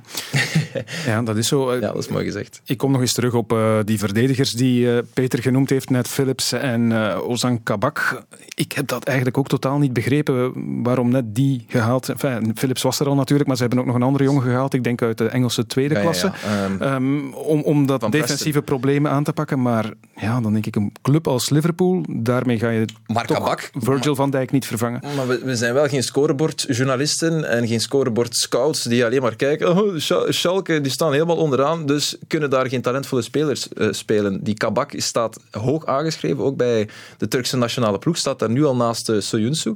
De Turkse nationale ploeg die de voorbije week buiten dan die wedstrijd tegen uh, Letland het uitstekend heeft gedaan. Ik weet niet of hij er voor tussen zat, maar ik geef het maar even. tegen Letland. tegen Letland, hè? die hebben we hier onlangs nog eens gezien in België. Heb ik, ja, heb maar ik heb het niet gezien. Ja, maar, als er ook maar, Noor maar Noorwegen en tegen Nederland wel. Dus noem het talentvolle gerust, speler. Noem het gerust scorebordjournalistiek, maar ik blijf dat toch vreemd vinden dat je dan als Liverpool een speler haalt die inderdaad uh, met zijn club Op stijf moet je onderin misschien staat. snel schakelen. Kan ja. snel schakelen. Absoluut. Stond al op de radar en denk oké, we halen hem nu. Dat kan allemaal. Misschien ook niet al te veel kosten. Ik Nee, maar voilà, dat is exact wat ik wil zeggen. Ook voor Liverpool is, eh, zijn deze tijden een, een financiële realiteit. Eh, er is geen Abramovic bij Liverpool die alles bijpast. De, de, de boekhouding van Liverpool is veel meer in balans eh, wat betreft eigen vermogen dan de boekhouding bij Chelsea. Daar is geweten dat ze eh, gerust 200 miljoen mogen uitgeven. Oh, staat er, min, staat er min 200 op het einde van het jaar? Roma stopt bij. Dat doet hij nog altijd, ook al is hij al jaren niet meer eh, op Stamford Bridge geweest. Voor Liverpool, Liverpool werkt anders. Ja. Dus moet ook leven met de economische realiteit van het moment, zeker in, uh, in covid-tijden. Maar ik, weet, ik durf hier echt die kabak niet, niet afschrijven. Echt niet. Ik heb die ook al echt al goede wedstrijden zien spelen. In de verloren partijen van Liverpool. En op Wolves vond ik hem super. Voilà, oké, maar dat is goed. Podcast, dat is goed. Ik, ik, ben, ik ben blij dat je hem verdedigt. Eh, iemand moet het doen, uiteraard. Eh, ik, zal je eraan, ik zal je eraan herinneren als Benzema uit vier heeft binnengeduwd, van drie door de benen van Kabak. maar laat niet na om omgekeerd mij erop te wijzen als het, eh, als het omgekeerd is. In elk geval, eh, die Philips en Kabak hebben recent toch al een paar keer de nul gehouden. En eh, Jurgen Klopp heeft over dat eh, centrale verdedigingsduo dit gezegd. I know you were, you were pleased with um, the defending in particular the other night, and, and I know it's only a couple of games for Kabak and, and Phillips together, but it was another clean sheet too for them now. How encouraging is that, and, and how much confidence can that give them? Oh, a lot, a lot, but it's um, it's about the, the general defending. It is. So if as as a centre half, if we can pick up the the right challenges, if we can pick up the right balls, um, because uh, the, the the balls are forced or or kind of defended already from the the the, the players in front of you, then makes life makes it life completely uh, much more easy, and and that's how football should be actually. So in the end, you speak about the centre half, which is good in a positive way, which is good as well, um, but it was about the general defending that day, and that helped the two boys as, um, a lot. Hij heeft het over general defending, dus kijk niet alleen naar dat Nee, eh, maar dat is centrale duo. ja. Het is ook wat ervoor gebeurt, eh, waar, hij, waar hij naar verwijst. Zit het daar dan goed of beter ondertussen? En is Henderson nu ook niet uitgevallen? Ja, Henderson was er niet bij op, uh, op. Dus? Henderson, Matip, Van Dijk. voor Dat het zijn... eh, EK, denk ik zelfs. Als ik, of heb ik mij dat ingebeeld? ik, ik, ik luister heel veel naar de Engelse collega's. Ja. Daar gingen ze wel nog altijd vanuit dat hij gewoon start in die eerste wedstrijd eh, op, het, eh, op het EK. Maar, Maar, oké. niet in elk geval. En toch ook niet onbelangrijk in, die, eh, in de rush naar de eindwinst in de Champions League. Ja, was Jordan Henderson toch ook Ja. belangrijk. Ja, maar wat Klopp dus zegt is, je moet ook kijken naar wat er voor de verdediging gebeurt. En nog verder op het veld, daar staat de fameuze gouden drietand. Met eh Mané, met eh, Firmino en Mo Salah natuurlijk. Die drietand draait ook niet zo geweldig hè, dit seizoen. Aster, waar, waar zit het grootste probleem eigenlijk? Is het, is het achterin of is het ook voorin of is het allebei? Maar ik vind, Firmino is nooit een veelscorer geweest, maar laat, wat hij wel bracht aan de ploeg was, hij was hij- daar werd dan altijd eh, grappend over gedaan, hij was de spits die niet moest scoren. Ja, omdat hij, hij- wat hij enorm goed doet, is negatieve druk zetten. Hij is eigenlijk de eerste verdediger in dat elftal. En als je kijkt naar zijn aantal gelopen kilometers, ik las dat onlangs op, op The Athletic, ehm, wat trouwens een zeer goede website is als je het Engels voetbal volgt. Ik ben Ehm, ook geabonneerd. ja, nee. Ja, oké, ja voilà, kijk. Dus duidelijk als Goeie tip. Voilà, goede tip. Eh, dat hij beduidend eh, minder kilometers liep. Ehm, ik weet niet, ik denk niet dat hij met COVID besmet geweest is, want daar denk ik nu aan. Dat kan eventueel een, een, een, eh, een reden zijn, maar ik bedoel, dat is wel een, eh, hoe zeg je dat? Een eh, vinger aan, eh, of, ja, hoe zeg je dat eigenlijk? Vingerwijzing. Ja, ja, Teken aan de wand. Ja. Teken aan de wand, dat Ja. wou ik zeggen. ja. En wat met Jurgen Klopp hangt zijn toekomst bij Liverpool af van deze Champions League? Ik denk dat hij wel een ongelooflijk veel krediet heeft opgebouwd, maar af en toe zijn er wel wat parallellen te trekken met zijn laatste jaar bij Dortmund. En een, eh, en een eh, grotere status dan die van Klopp eh, bij Dortmund, dat bestaat niet voor een trainer, denk ik. En, en ja, het, het, zijn, het zijn een paar incidenten met Mo Salah, dus er, duiken toch een paar verhalen op zo van een wat stroevere, moeizamere relatie van, van Klopp met misschien een aantal spelers. En wat voor, wat je vooral ook merkt, is, we herkennen wel de klop van bij Dortmund hè, op het einde. Niet meer die sympathieke, goed lakse, charismatische, alles en iedereen inpakkende coach, maar ja, af en toe ook wel gewoon een vervelende vent op eh, persconferenties bij vragen en langs de lijn, waar hij ook wel een paar keer tekenen vertoont van, van onsportief gedrag. Dus ik zou zeggen, ja, het is toch ook maar een gewone man. En dat alles bij elkaar. Nu, ik kan me niet voorstellen dat dat men aan het einde van het seizoen, ik weet niet hoe lang hij nog contract heeft, een streep trekt onder het tijdperk eh, Klop. Maar goed, er zal misschien wel een nieuwe start moeten genomen worden. Dat is iets anders. Volg hem maar eens op, zou ik zeggen. Eh, Als hij dan vertrekt, als hij dan uiteindelijk Hm. Ja, de club ja, verlaat, eh, kan wat daar is neergezet is, eh, is van jaren tachtig geleden. Trouwens, dat, ik, dat was nu heel, heel random dat ik het las op Marca, een interview met Mo Salah. En je had het dan over die verstandhouding met, tussen Salah en Klopp. Ik probeer er niet te veel tussen te lezen, maar hij antwoordde van, de vraag was, hoe, hoe is jouw verstandhouding met Klopp? En die is gewoon professioneel. Terwijl wij hebben toch allemaal de indruk dat, Hmm. De dat people manager. va- ja, de vader is Ja. en zo. Spelers knuffelen. Ja, en Ja. ja. spelers knuffelen en oh, Mo en ja, nee, blijkbaar ja, gewoon professioneel. Ja, oké. Misschien is dat ook een vingerwijzing. Hè, om Ja, voilà. maar te zeggen. Goed, een match teken om naar uit te kijken. Of een teken aan de wand, voilà. De tribune. Manchester City Dortmund is de derde kwartfinale en daar kijken we alleen al voor de altijd weinig verbloemende analyse van Erling Haaland achteraf rijkhalzend naar uit. Dit zei hij na de terugwedstrijd tegen Sevilla over een penalty die hij twee keer moest nemen en een verbaal robbertje dat daarbij kwam kijken met Sevilla-keeper Bounou. Yeah, it's uh, he was too uh, he was too far outside and uh, if he stood on the line I would still score on this one so uh, and that what happened on the second one so uh, yeah, first of all, it was a nice goal before, but then it was penalty, and then uh, I missed, and then he cheated, so then I uh, took it again, and then I scored when he didn't cheat. So yeah, it was exact the same, but then he stood on the line, and and he didn't stand on the line. So yeah. Were you nervous? Um, uh, to be honest, I was a little bit on the second one. Yeah, that's right. But uh, yeah, when he was screaming in my face on the after the first one, I was thinking, oh, it would be even better to score another goal, and uh, yeah that's what happened. So it was nice. What did you say to the goalkeeper? Oh, I don't want to say. I I don't know what it means, but I said what he said after I missed the first one. So I said the same. Maybe it's karma in this world. I think so after this. Peter, je vond het maar niks, uh, denk ik, nee, hoe Haaland zich daar liet opmerken na die tweede penalty. Ik had pas, ik had pas nadien, kwam er een herhaling en dan lieten ze zien dat ja. Bono natuurlijk begonnen was om het dan uh, in de, speelpla de speelplaatslogica te kaderen. Dus uh, ja, begreep ik natuurlijk al wel beter. Maar wat hij hier zegt, slaat natuurlijk nergens op. Hij zegt, hij was cheating. Ik denk dat hij 2,5 centimeter van de lijn was. Dus het feit dat hij die penalty stopte van Haaland had helemaal niets te maken met ja, reglementair te vroeg vertrokken zijn. Dus daar had het dan weer helemaal niets mee te maken. Maar zijn franc-parler, hij gaat dat nog afleren naarmate hij ouder wordt, want hij gaat er natuurlijk meer en meer problemen mee krijgen. Maar daar kunnen we nu alleen maar van genieten. Ja, absoluut. Is uh, Borussia Dortmund Erling Haaland FC of uh, gaan we daarmee te kort door de bocht? Uh, oh, nee, ja, nee. Voor, voor, voor, maar wel voor een groot stuk natuurlijk. Neem Haaland daar weg en, en ja, dan heb, je, dan heb je toch ook een kratertje. Hè? Ja, ja de vervanger, ik ben nu even zijn naam kwijt, maar die andere diepe spits, een hele jonge... ja, ik kan op zijn naam nu even niet komen. Uh, van wie ik eigenlijk eerlijk gezegd nog, nog nauwelijks had, had gehoord. Maar ik, ik, ik, vind, ik vond Borussia Dortmund in de groepsfase echt een lust voor het oog in die wedstrijden tegen Club Brugge.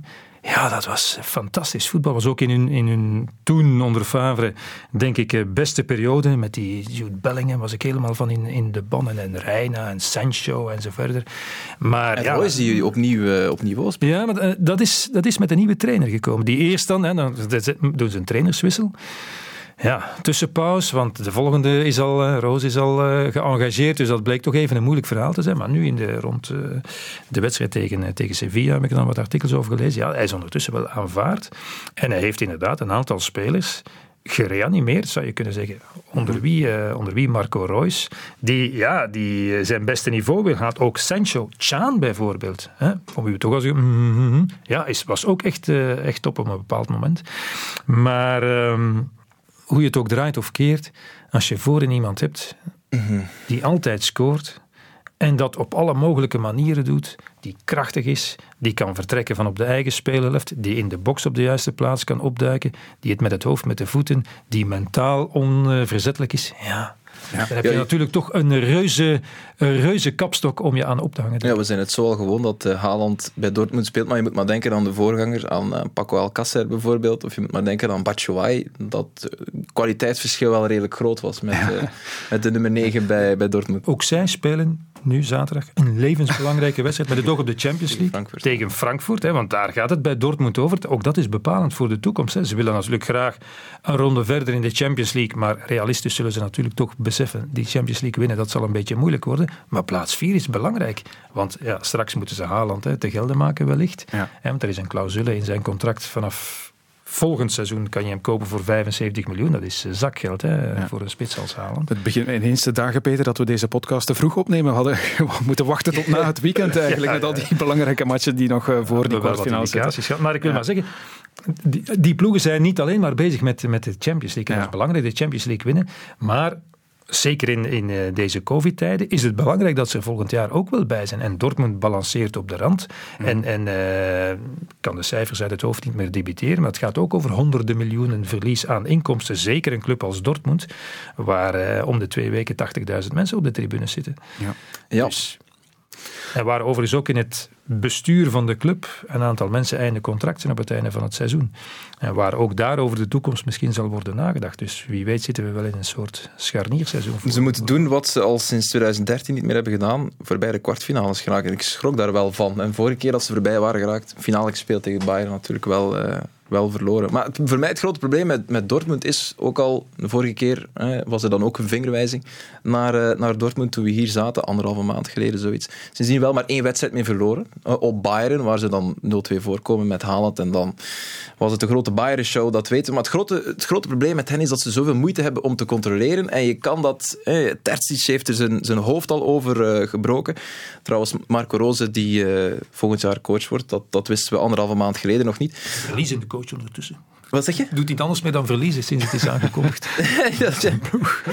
ja, ja, ja, bij Mönchengladbach. Ja, ja, ja, die zijn uh, stijlberg afgegaan. Oké, okay, kijk. Ja, dat is uh, de Champions League. Dat wist ik niet. Ik weet wel ook dat ze tegen Champions City League, natuurlijk... maar oké. Okay, ja, voilà, maar, tegen City... maar in de Bundesliga vooral. Oké, voilà. Um, maar een groot probleem is dat ze altijd wel een foutje achterin maken. En je had het over, over Emre Can, hè, die dan... Jij sprak positief over hem, over een herleving.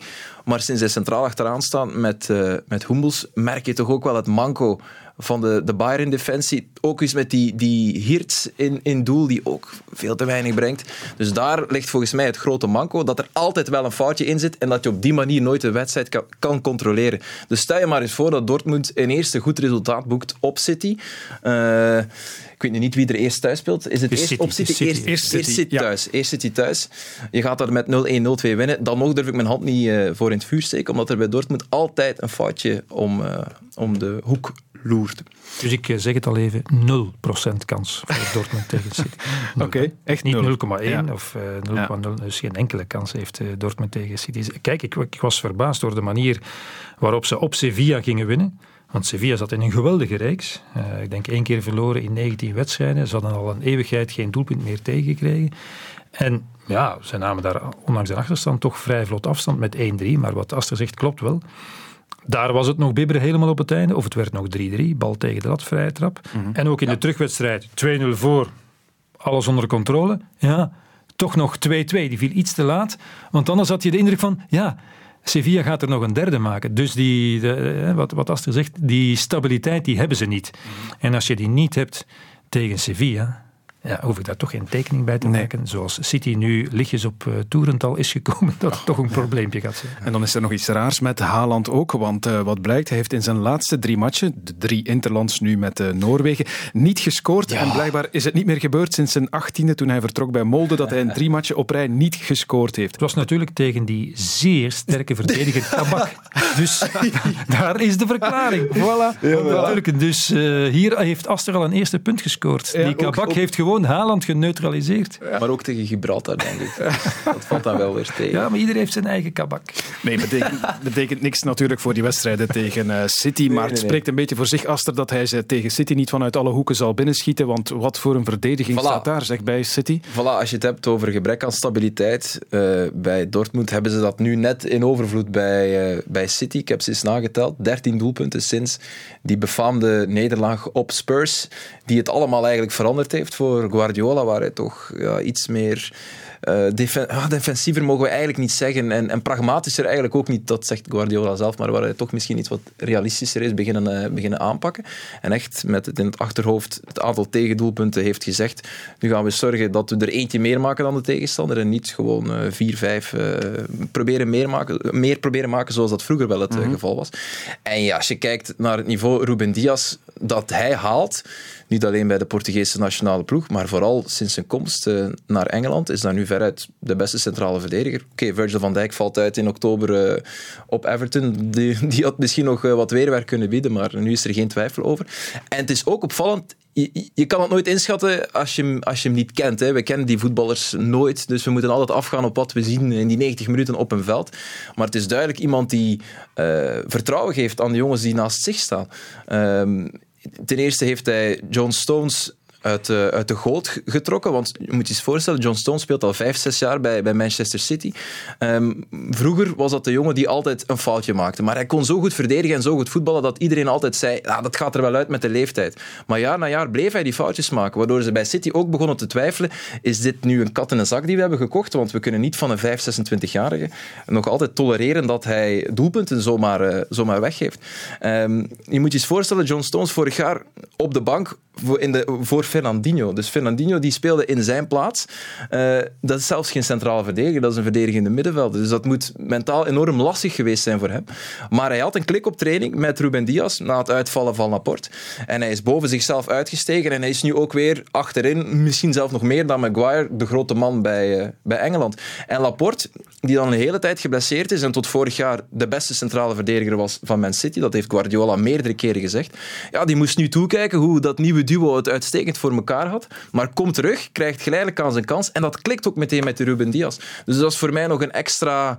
Ik heb zelf, ben zelf centrale verdediger geweest op een heel bescheiden niveau natuurlijk, maar dat is zo belangrijk dat je gewoon overeenkomt en dat je een klik voelt met, met je partner. Dat klinkt logisch, maar dat, je kan dat niet... Er zijn bepaalde centrale verdedigers die top zijn, maar waar, ja, waar het toch altijd om de een of andere manier... En, ehm, ehm, de man met de grote krullenbos van eh, Arsenal, David David, Luiz. Luiz, is zo iemand, als je met twee in een, vier, met, in een viermansverdediging, als je er één iemand naast zet, altijd miserie, zet hem in een driemansverdediging en dan lukt het wel. Maar dat, zijn, dat zijn vrijbuiters van centrale verdedigers en de Ruben Diaz is duidelijk iemand die heel graag iemand naast zich heeft en ook zodanig veel vertrouwen uitstraalt van zichzelf dat de anderen daarvan eh, meegenieten. Ja. Tot zover deze monoloog. Mooi. Eén doelpunt hebben ze Ietsje te lang, tegengekregen verder was het Eén doelpunt hebben ze al tegengekregen Ja. in deze Champions de League campagne. allereerste Dat is, eh, dat is eh, onvoorstelbaar eigenlijk. Dus achterin zit dat eh, helemaal goed. Ehm, Maar er wordt we ook nog gevoetbald. Toch? Er wordt nog En ook nog niet getest. Hè. Ja, City, deze Ja. Champions League, als je het hebt over Bayern nog niet getest, City ook niet. hè. Oké, groep met Porto, oké, die zijn hier ook nog altijd. Maar toch ook wel eh, veel, defensiever veel sterker. We gaan het er straks over hebben. Defensiever veel sterker dan dat ze aanvallend zijn, vind ik. Maar ze worden en Mönchengladbach mm, was Ze worden niet natuurlijk goed. flink getest in eh, de Premier League. En dat is toch eh, Ja, dat is geen waar. onaardige competitie om, om jezelf te testen met het oog op, op de Champions League. En, Dat het, en het, het straffe vond ik nog dat, dat ze die geweldige reeks, hè, met al die overwinningen aan elkaar, 13 stuk zeker, voor een groot deel dan nog zonder Kevin De Bruyne deden. Waardoor ineens Gundogan mij weer deed herinneren aan die geweldige Gundogan die ze gekocht hebben destijds bij, bij Dortmund. En, en eh, als je dan ziet wat ze nog aan de kant laten, dat ze dan, dat eh, Aguero, oké, het is nu bijna einde verhaal, Jesus op de bank, om toch maar al die hè, Foden en Sterling. Ja? Sterling zit vaak op de bank. Het is eh, ongelooflijk, het elftal dat City heeft. En er is maar één vraag die mij bezighoudt. Wat gaat Guardiola doen wanneer hij in de halve finale tegen Bayern München of PSG komt? Gaat hij dan weer iets uitvinden waardoor hij dit geweldig draaiende elftal weer gaat destabiliseren? Zoals hij ook God betert tegen Lyon deed in, in de, de halve finale. Eh, in de kwartfinale, excuus. Ja, je hebt het de vorige Dus, keer al dus gezegd. dan hè. denk ik, Eh, gaat hij dat nu opnieuw doen? Of heeft hij nu, na al die mislukkingen bij Bayern München, waar spelers achteraf dat aangaven, van ineens, toen we aan de meet kwamen en het moest gebeuren, ja, werd hij nerveus en wilde hij toch nog iets bedenken waardoor hij iets deed wat we normaal niet deden. Ja. Het tegenovergestelde van Hansi Flick die zegt tegen PSG, we blijven naar voren lopen, Mbappé of geen Mbappé. Je hebt het inderdaad al gezegd, hè, als eh, de Guardiola te veel tijd krijgt, dan begint hij na te denken en Ja, maar- begint hij gekke dingen te doen. Zou je dat zelf beseffen? Zou je zelf de analyse gemaakt hebben na Lyon vorig jaar en gedacht Nee, nee, hebben, mijn niet. plan, mijn plan klopte niet? Of had hij gedacht? Of zou hij nu zeggen, ja, nee, de spelers voeden het slecht uit, of eh, het plan zat op zich wel goed in elkaar? Mhm. In dat geval moeten ze zich zorgen maken, de City supporters. Als hij die zelfreflectie niet heeft. Nee, oké, ja, dan, want het is, het is ondertussen wel al een thema, zoals, zoals Peter zegt. Er wordt zelfs, ja, Gevoed door, door Muller onder meer, hè, die het daarover had hè, eh, in de aanloop. Die zei van, ja, Guardiola, geweldige coach, fantastisch. Maar ja, ineens Ja. ja, moest er dan iets speciaals gebeuren. Wat mij ook wel opvalt eigenlijk, we hebben het al gehad over eh, Lewandowski die enorm belangrijk is voor Bayern, over Benzema die dat is voor Real Madrid, over Haaland die dat is voor Borussia Dortmund. Maar als je eigenlijk kijkt dan naar Manchester City, daar staat voorin niet zo iemand waar ze heel erg van afhankelijk zijn. Hè. Soms spelen ze gewoon zonder echte echte, echte spits. En heb je daar Kevin De Bruyne die plots in de punt staat tegen Mönchengladbach bijvoorbeeld? Dat is wel nieuw van dit seizoen. Want ze hadden dat ervoor een paar keer geprobeerd. Dat is nooit echt heel goed meegevallen. eh, op, eh, zonder echte spits spelen. Maar dit seizoen klikt dat wonderwel. Ik herinner mij wedstrijd op Chelsea bijvoorbeeld. Maar we hebben, het- we hebben het er al over gehad, denk ik, in deze podcast. Waar jij verwees naar die eh, Champions League wedstrijd, Peter. Die City een paar jaar geleden op Real speelde. Waar ze ook Kevin De Bruyne in de spits zetten. Waar, het toen, waar het toen moeilijk was voor City in die wedstrijd. Ja, W- Waar, eh, want daar was de conclusie, ja, ze gaan daar winnen en zo, maar waar ze het eigenlijk wel grote delen van de wedstrijd moeilijk hadden. Dit seizoen ehm, klikt dat wel, wonderwel, maar dat mensen nog altijd de vraag durven stellen na, na, na twee, drie jaar, waarin ze zeggen van, ja, miste dit Manchester City Kevin De Bruyne? Ik denk telkens als Kevin De Bruyne meespeelt, dat het, eh, dat het duidelijk is dat ze missen. Ook al werkt het soms ook zonder, eh, zonder Kevin. Dat is natuurlijk, dat is Guardiola. Dat, dat, dat is vintage Guardiola. Die gaat nooit alles ophangen aan één speler. Het systeem moet kloppen en van daarin kan hij jongens laten floreren. Maar hij gaat nooit... eh, maar da- daarom paste Aguero ook niet eh, bij, eh, bij mensen. in de plannen eigenlijk van Guardiola heeft hij er eigenlijk nooit echt in gepast. Het was dankzij de, het was de verdienste van Aguero dat hij toch nog zoveel gespeeld heeft onder Guardiola en toch nog een paar goede jaren heeft gehad. Maar eigenlijk maar- is maar- Aguero geen Guardiola-speler. Wel, ja, dat is dan vreemd, want hij heeft vandaag nog eh, gezegd hij is onvervangbaar. Ja, maar dat zegt hij over iedereen. Onvervangbaar. Hij kan niet vervangen worden. Wat het, Aguero heeft dit City naar een ongekende hoogte getild. Waar. En, en eh, met zijn prestaties, zijn doelpunten. En hij zal niet vervangen kunnen. Hij is onvervangbaar. Vandaar dat ze hem geen nieuw contract gegeven hebben. Terwijl al een heel seizoen het, eh, het Die tegenovergestelde traders, die bewezen vertellen, nog wel, die traders vertellen nog wel wat. Dus een speler die onvervangbaar is, zet ik toch eh, de helft van de tijd op de bank. Maar ja, Guardiola zei dat ook over Phil Foden. is the biggest talent I've ever worked with. Maar dan moest hij wel drie, vier jaar wachten op... Het is wat met die Catalaanse trainers. Die vertellen ons nogal wat. Ja, inderdaad, we kennen er nog zo één natuurlijk. Roberto Martinez. Maar eh, Aguero, om, om het over hem nog heel even te hebben, Ja. gaat dat een afscheid worden zoals dat van Vincent Company, denk je? Ja, dat hoop ik wel. dat Mag wel wel. Krijgt een, krijgt een standbeeld. Krijgt een standbeeld. Ik denk dat ze nog bezig zijn aan het standbeeld van, eh, van Silva. En van eh Company ook, denk ik. Ik denk dat En hij gaat nog een paar leuke jaren beleven bij Barcelona. Denk je Barça? Ja. Wel, ik heb toen een eh, artikel gelezen omdat aan de tering naar de nering moet gezet worden. En dus eh, de nieuwe voorzitter gaat op zoek naar topspelers die transfervrij zijn om geen transfersommen te moeten betalen. Aguero was, stond op de lijst. En ook, ehm, eh, help me eens van Bayern München. eh, Choupo-Moting. Nee, nee. eh, ehm, wat is centrale voor Alaba. Alaba. Ja, Die Alaba. ook geen contract niet verlengd heeft. Dus Maar is die ook die in zit bij Real natuurlijk. Die zit, Alaba is naar Real, hè? Ah, Is dat zo? Ja, dat is toch officieel? Ja. Ah, ja. oké. Excuus. Enfin, ja, ja, ik, wil vallen uit dat, de lucht. ik wil dat heel, heel snel opzoeken. heb ik gemist. Maar, Zoek het eh, even op, inderdaad. Ja, ik ga dat nu doen. Ondertussen wachtmuziekje.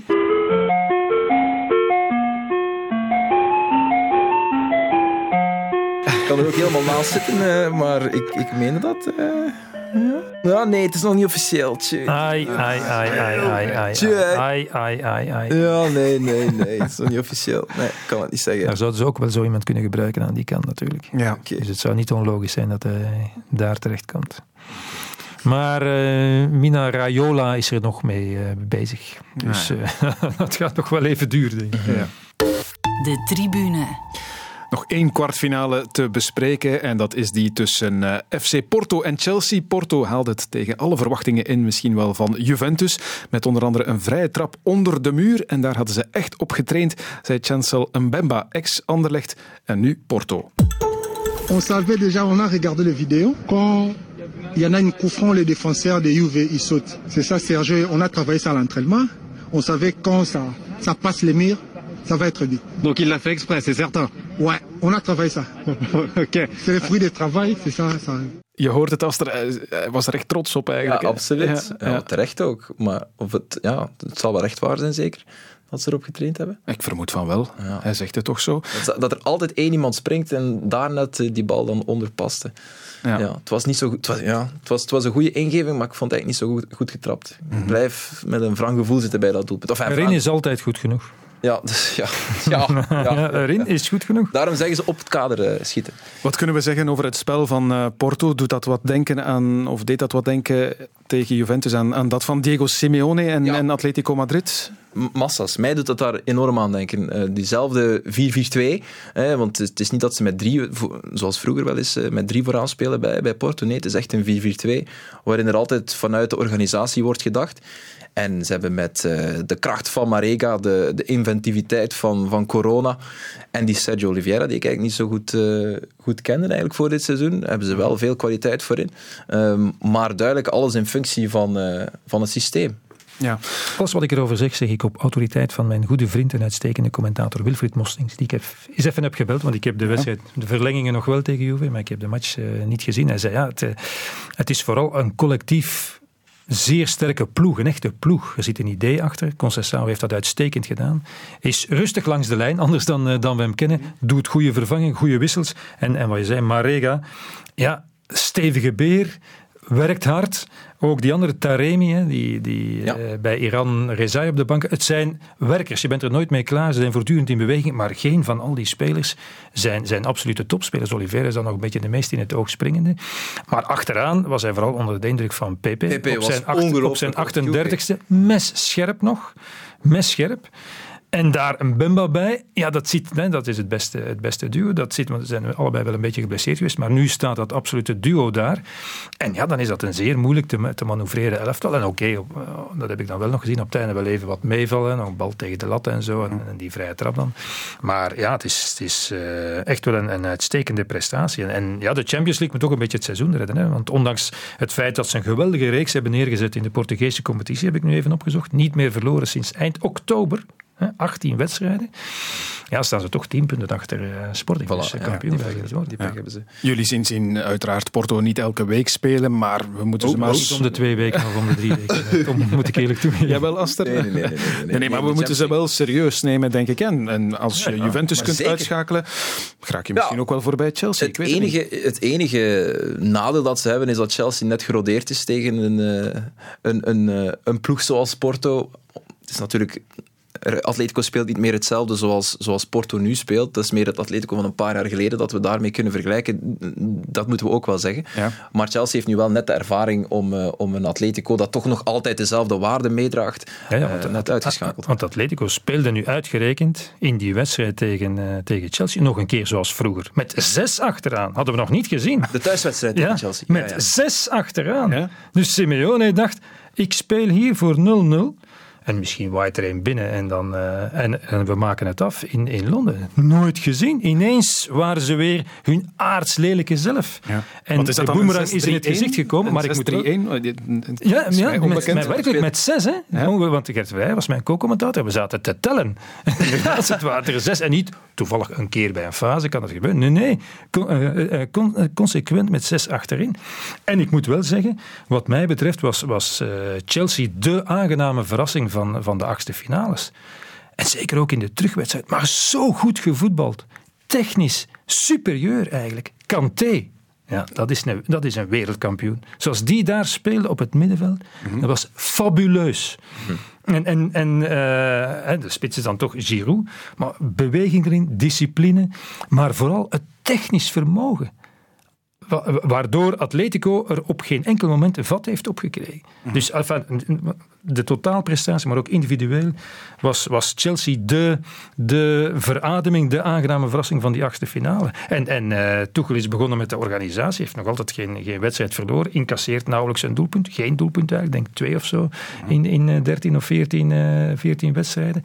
Alleen het enige probleem is, ja, ze scoren ook moeilijk. Voilà. Hè? Dus dat is, ja, dat, is wel een beetje, dat is wel een beetje een probleem. Dus doelpunten maken. eh, Werner heeft er denk ik een stuk of tien of zo over het, eh, over het hele Het hele seizoen. seizoen, ja. is een Ja, probleem, over het hele seizoen. stond, stond al een hele poos droog. Ja. ja.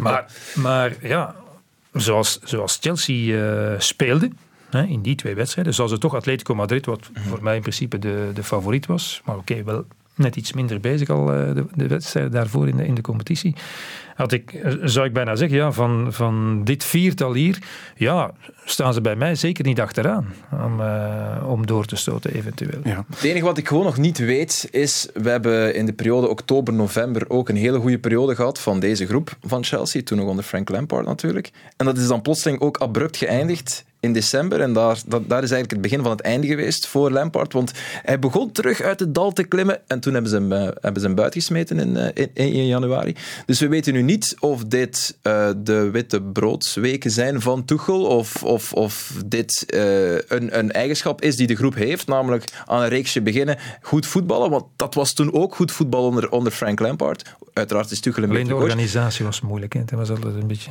Ja, maar die, week, die weken echt. toen Mendy kwam. Uh, want ze hadden een groot probleem natuurlijk in doel met, met Kepa en zo, die dan eigenlijk ondertussen uh, uitgerangeerd is. Maar Mendy kwam en ik denk dat hij vier of vijf clean sheets had in zijn eerste vijf, uh, in zijn eerste vijf wedstrijden. Dus Zeer ook dat probleem. Ook. Bij ja. de beste van de Premier League op dit moment wordt hij ingeschaald. Absoluut. Ja. Dus dat, probleem, dat probleem leek van de baan en then it all came crashing down, zeggen ze in het Engels. Dus ik ben nu ook heel benieuwd of dat, dat ook onder Tuchel zal gebeuren. We hebben een vermoeden, een sterk vermoeden, omwille van het feit dat Tuchel wel al wat bewezen heeft, ook als, uh, als coach in verschillende competities, dat dat niet zal gebeuren. Maar het kan wel. Dat is de enige slag om de arm die ik houd bij dit Chelsea van ik heb dit al eens gezien dit seizoen. Maar ik kan wel Peter volgen, misschien toch niet volledig op die manier. Want inderdaad, die, uh, die goal van, van Ziyech tegen, uh, tegen Atletico, bij wij, die, die, die aanvallen die ze toen brachten, die waren, uh, die waren echt wel geweldig. Een ploeg moet ook aan elkaar hangen natuurlijk. En wat dat betreft lijkt het ook wel goed te zitten bij Chelsea. De teamspirit lijkt daar wel goed te zitten. Dat zag je onder meer in de terugmatch tegen Atletico Madrid. Thiago Silva, Mason Mount en Jorginho die zaten toen alle drie in de, in de tribune, die wedstrijd. En die gingen, die gingen los na het doelpunt van Emerson. En Tuchel die zei daar dit over. Look, Thiago's reaction. Oh, there's nothing wrong with that hamstring. Look, God, there's, he's passed his fitness test for the next game as well. All three of them, Mason, uh, Jorginho, and and uh, Thiago, were were simply totally involved in the game, and and um, I can only repeat that makes uh, that makes the group special in the moment. Uh, I heard uh, I heard them during the match coaching. I heard them taking care. I heard them to to support the players. Um, I felt I, I, felt the same thing, for example, for Willy Caballero and, and Kepa on the bench. And this is if we wanna if we wanna have special results, if we wanna have a, a special uh, yeah special results and special moments, we need to play with a special atmosphere. This does not change in football, not on the highest level and not, not around the corner in the park. Een van die namen die dus genoemd uh, werd is Mason Mount. Is hij een beetje de uitblinker nu bij de Chelsea? Was eigenlijk de poulain ook wel van uh, Frank Lampard. Hè? De lieveling, een van de lievelingen van, van Lampard. Ja, dat werd hem dan zelfs niet in dank afgenomen, omdat Chelsea supporters, supporters van, van de Three Lions van Engeland, ook het gevoel hadden dat hij op een bepaalde manier voort werd getrokken, omdat inderdaad, hij was one of, one of Frankie's boys, zeiden ze dan. Maar als je ziet, ik heb hem zien spelen op Liverpool, hmm. waar hij het beslissende doelpunt maakt, dat was hij subliem. Dus ook onder Tuchel, het, zijn talent, het talent van Mason Mount is duidelijk niet gelinkt aan Frank Lampard, dat is logisch. ja, voor mij is hij, is hij de man die is opgestaan sinds de komst onder, onder Tuchel. En oké, okay, er zijn een paar jongens opgevist. We hebben een Alonso die uit de doden is teruggekeerd. Callum Hudson-Odoi, die in het begin als wingback speelde, maar de voorbije weken toch steeds meer vooraan te vinden is. Ze wat zeg je? Rudiger. Ja, Rudiger, Rudiger is een heel goed voorbeeld. Dat was de vijfde centrale verdediger. Echt ook in november. In die, in die twee wedstrijden. Ja. Mm -hmm. Speelt altijd, inderdaad. Ja, is ineens uh, ja. ja. en ja. vertrouwen. En voilà, want uh, hij had nog geklaagd over uitleenbeurten die verloren waren gegaan naar, naar PSG. Nog een andere ploeg. Uh, uiteindelijk niet doorgaan, want hij ging spelen dan heel, een hele eerste ronde buiten beeld. En die staat er ineens ook weer. Ja, ja. het is de Mori die nu weg is en Rudiger die speelt bijvoorbeeld. Dat is waar. We hebben hier ook nog in het recente verleden gelovend gesproken over de transfers die Chelsea gedaan had. We hadden Ziyech, Havertz enzovoort. Um, wat verwacht je nog van die mannen? Want ja, het is er nog niet helemaal uitgekomen, hè, Peter? Uh, Havertz merk je wel dat hij beter en beter wordt, vind ik. Vond ik speelde, welke wedstrijd was dat weer? Waar hij als een soort valse negen. En daar waren de meningen een beetje verdeeld, maar dat was dan de wedstrijd net ervoor, maar ik ben nu kwijt hmm. tegen welke ploeg het was. Geen idee. Um, miste hij een paar kansen, die werden hem dan aangerekend, maar de manier waarop hij daar deelnam aan het spel op een geen nieuwe, maar toch een mm. beetje ongebruikelijke positie was. Toch? En, en uh, had ik dan een artikel over gelezen. Mensen uit de entourage van, uh, van Havertz, enfin, niet de entourage, maar die hem kenden van vroeger, zeiden, maar hij heeft altijd een aanpassingsperiode nodig. En daarna wordt hij, eh, gaat hij zijn beste niveau halen. Mhm. Hetzelfde met, uh, met Werner. Dus, uh... Ja, we, weten, we voelden allemaal aan ons theewater, denk ik, uh, begin dit seizoen, dat Lampard had eigenlijk nog niets bewezen. Hè. Bij Derby niets. En, en in dat seizoen waarin alles oké was bij Chelsea, waar ze toch geen transfers mochten doen, ja, dat, dat zijn geen, daar, daar konden we niets uit opmaken.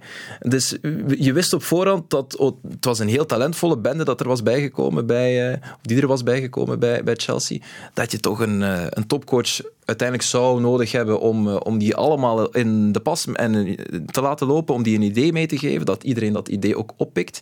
En we zullen nu zien of dat Tuchel de man is. De voortekenen zijn alvast goed, maar je wist dat het, toen het begon mis te gaan, ook al helemaal in het begin van het seizoen en dan in december, dat je door had van ja, Frank Lampard, wat kan hij eigenlijk als coach? Dat weet op dit moment nog altijd uh, niemand. Oké, okay. kiezen jullie nog even jullie favoriet voor dit duel, Porto of Chelsea? Voor mij Chelsea, ja. ja. De tribune. Ja, en als er gevoetbald wordt in de Champions League, dan wordt er ook gevoetbald in de Europa League. En ook daar zijn we aanbeland in de kwartfinales. In half an hour or so as Odegaard fires in a shot, it's a stunning goal! What a strike from Martin Odegaard for Arsenal! What a way to open your account! Fred couldn't get enough on the touch. Fernandez maybe. Pogba perhaps, yes! Instant impact from the halftime substitute. Klaassen, Klaassen, is dit het dan? Ja, dit is het voor Ajax. Daar is die 1-0. En natuurlijk is het weer Davy Klaassen, want dat doet hij de laatste weken wel vaker. Het eerste doelpunt in de wedstrijd scoren.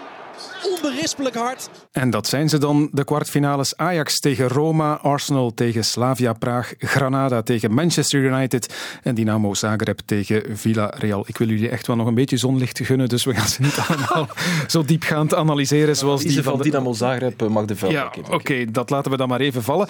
Maar goed, is hier al een uitgesproken favoriet te vinden in deze acht ploegen? Wie schopte tot in de finale? Wel, dat hangt ervan af uh, of de ploegen die als favoriet naar voren kunnen geschoven worden er ook zin in hebben om ervoor te spelen.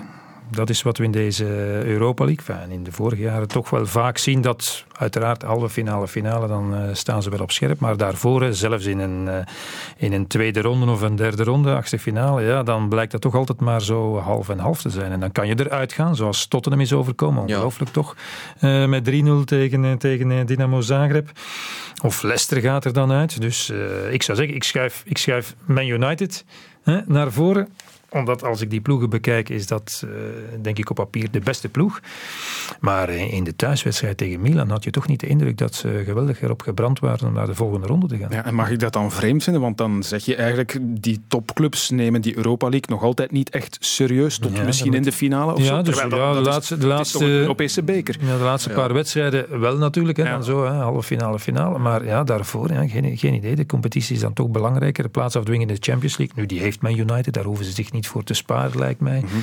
uh, anders dan, dan vorig jaar, waar ze nog een puntje moesten halen op de slotspeeldag nee, bij Leicester. Maar dat is, dat is niet belangrijk, denk ik, voor Manchester United dit seizoen. Hè. De Champions League hebben ze vorig jaar behaald. Die kaap hebben ze al gerond, zeg maar. En het ziet er nu ook weer heel goed uit in de, in de Premier League. Nee, maar voor de maar het gaat om een trofee. Financiën. Hè? Ja, ja, natuurlijk is het, is het essentieel dat ze de Champions League halen. Maar dat, dat is al een basisvereiste. Om de kers op de taart te zetten, om er een geslaagd seizoen echt van te maken, hebben ze een trofee nodig. Wel, dus de, coach spreekt dat, de coach zelf spreekt dat tegen. Ja, dat, dat hij, zei in, hij zei op de persconferentie voor... Stende doet ook nog altijd mee voor play-off. Hij zei op de persconferentie voor de terugwedstrijd tegen Milan werd hem die vraag, wat jij nu zegt, die theorie voorgelegd. En hij zei, uh, trofeeën zijn er alleen maar voor het ego van de, van de manager, zei hij. Daarmee verwijzend, een steekje gevend aan Mourinho, misschien ook wel Louis van Gaal. Maar hij zei, veel belangrijker, en daar kan je, is dat een team progressie maakt. Het was geen onzin eh, wat hij vertelde.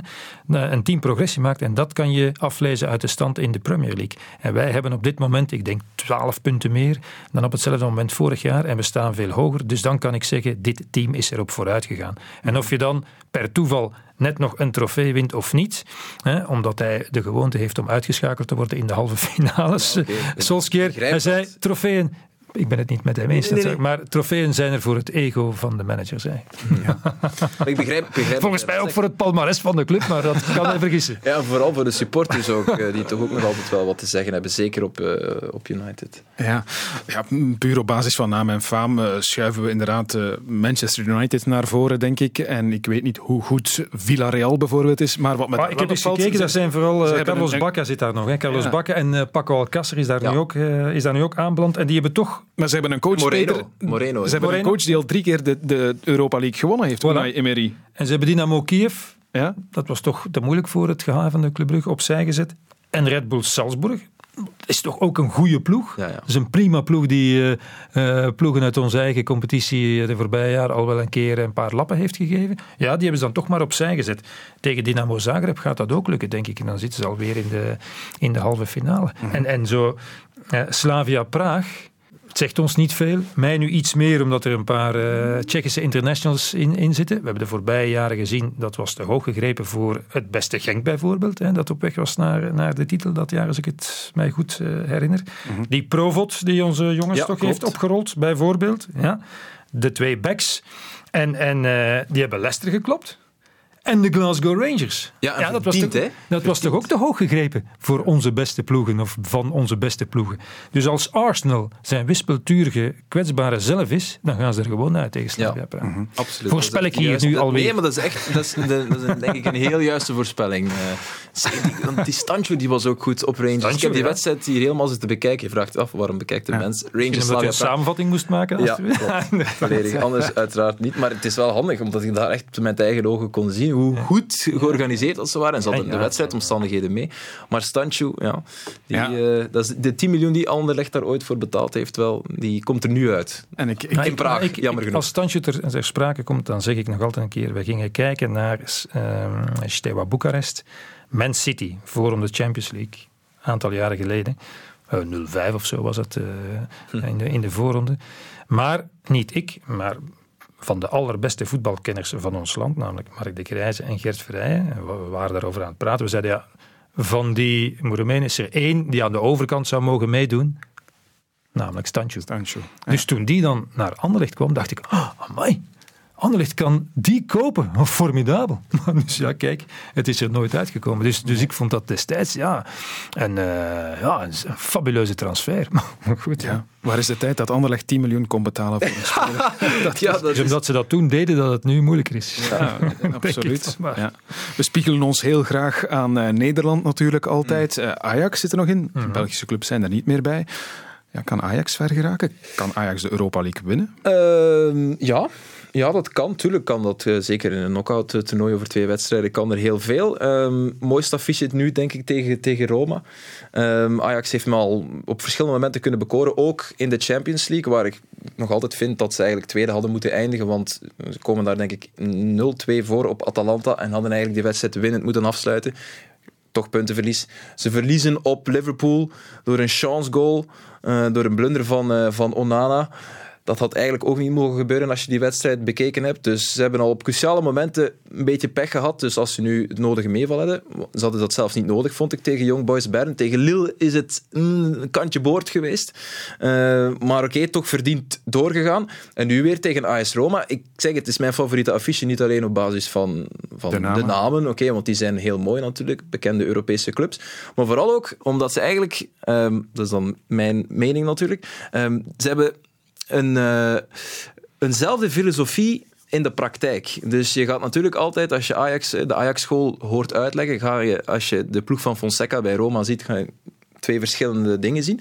Maar als je effectief kijkt wat, wat er op het veld gebeurt, Ajax speelt 4-3-3, Roma 3-4-3, maar allebei twee backs die heel hoog meekomen. Het enige verschil is dat er dan een, een Gravenberg bijvoorbeeld uitzakt bij Ajax om met drie achterin te spelen. Dus eigenlijk in de praktijk formatie is eigenlijk hetzelfde. Dus ik ben heel benieuwd, één op één tegen elkaar.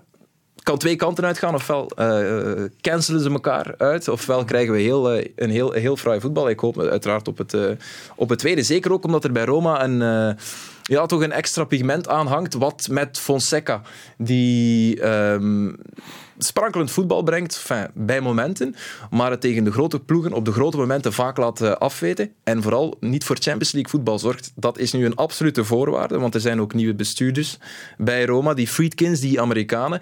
En als hij geen Champions League haalt dit seizoen, Fonseca, dan hebben ze een clausule om hem voor vrijwel geen geld uh, aan de kant te zetten. En die kans gaan ze uiteraard niet laten liggen om daar hun eigen mannetje te zetten. Dus voor Fonseca en Roma hangt er bijzonder veel van af. Dus er zijn veel verhaallijnen in, uh, in die wedstrijd. Uh, om die leuk zijn, of die het leuk maken om die partij te volgen. Tot zover je tweede monoloog, Aster. Sorry. en ik denk dat uh, de VRT ook die wedstrijd uitzendt volgende Ah, kijk, dat is fijn. En ik zou, uh, collega Filip Joos, die toch een trouwe volger is van Roma, zei geen kans tegen Ajax, als ik me Hmm. goed herinner. Ja, dus, Oké. ja, dus misschien is dat... Hij ziet het wat zwartgallig. Zijn- Ja, zijn supporters uit dat spreekt. Maar ik, ik stel toch vast dat ze Shakhtar Donetsk opzij geschoven hebben eh, met twee overwinningen. En ik heb die wedstrijden niet gezien, maar Shakhtar was toch eh, zelfs met een eh gecoviteerd elftal op eh, Real eh, vlotjes gaan winnen. En ook thuis nog gewonnen van, van Real Madrid. Dus Maar het probleem met, met Roma is ook, en dat zal dat Philippe dan ook zeggen, Parma-Napoli, die twee laatste wedstrijden, die verliezen ze dan. Dus je, je hebt dan goede prestaties in de Europa League en dan gaat het weer helemaal naar beneden. En er is ook een beetje vrevel tussen Pellegrini, Mkhitaryan, Dzeko en de coach. Waarbij Pellegrini, denk ik, na... De coach zei, eh, Fonseca, eh, na, na de wedstrijd tegen Parma was het, denk ik, of Napoli. Het was, het was Napoli, denk ik. Dat hij zei van, eh, ja, de jongens hebben te weinig inzet getoond vandaag. En Pellegrini die zei, nee, dat is echt bullshit. We hebben echt ons best gedaan, maar we, we wisten soms niet goed waar lopen. Dus dan merk je al dat er wat vrevel is. Ja, dat is stevig. Dus... Heel benieuwd Een wat dat speler wordt. die zegt, we Ja. wisten niet waar lopen, dat, Dat is dodelijk eh, voor een trainer. dat is vrij Hoewel dodelijk, dat ja. vaak onzin is. Of je bent vergeten waar je moest lopen, is misschien ook, ook. vaak eh, de juist, het juiste antwoord. Maar dat is toch vaak een eh, Mhm. teken aan de wand. Voilà, kijk, daarmee is de cirkel rond. We hebben het uur al ruimschoots overschreden. Ik ga jullie laten gaan. Ehm, jullie komen nog eens terug na de kwartfinales om al die voorspellingen dan te toetsen aan de werkelijkheid, Peter. Om eh, inderdaad, om eh, nog vast te stellen dat we het alweer bij het rechte eind hadden. We gaan werk hebben om al die eh, uitspraken en voorspellingen van vandaag op te knippen tegen de volgende keer, maar daar maken we werk van. Dankjewel Peter van den Bemt, dankjewel Astrid en Zeeman. Graag plezier.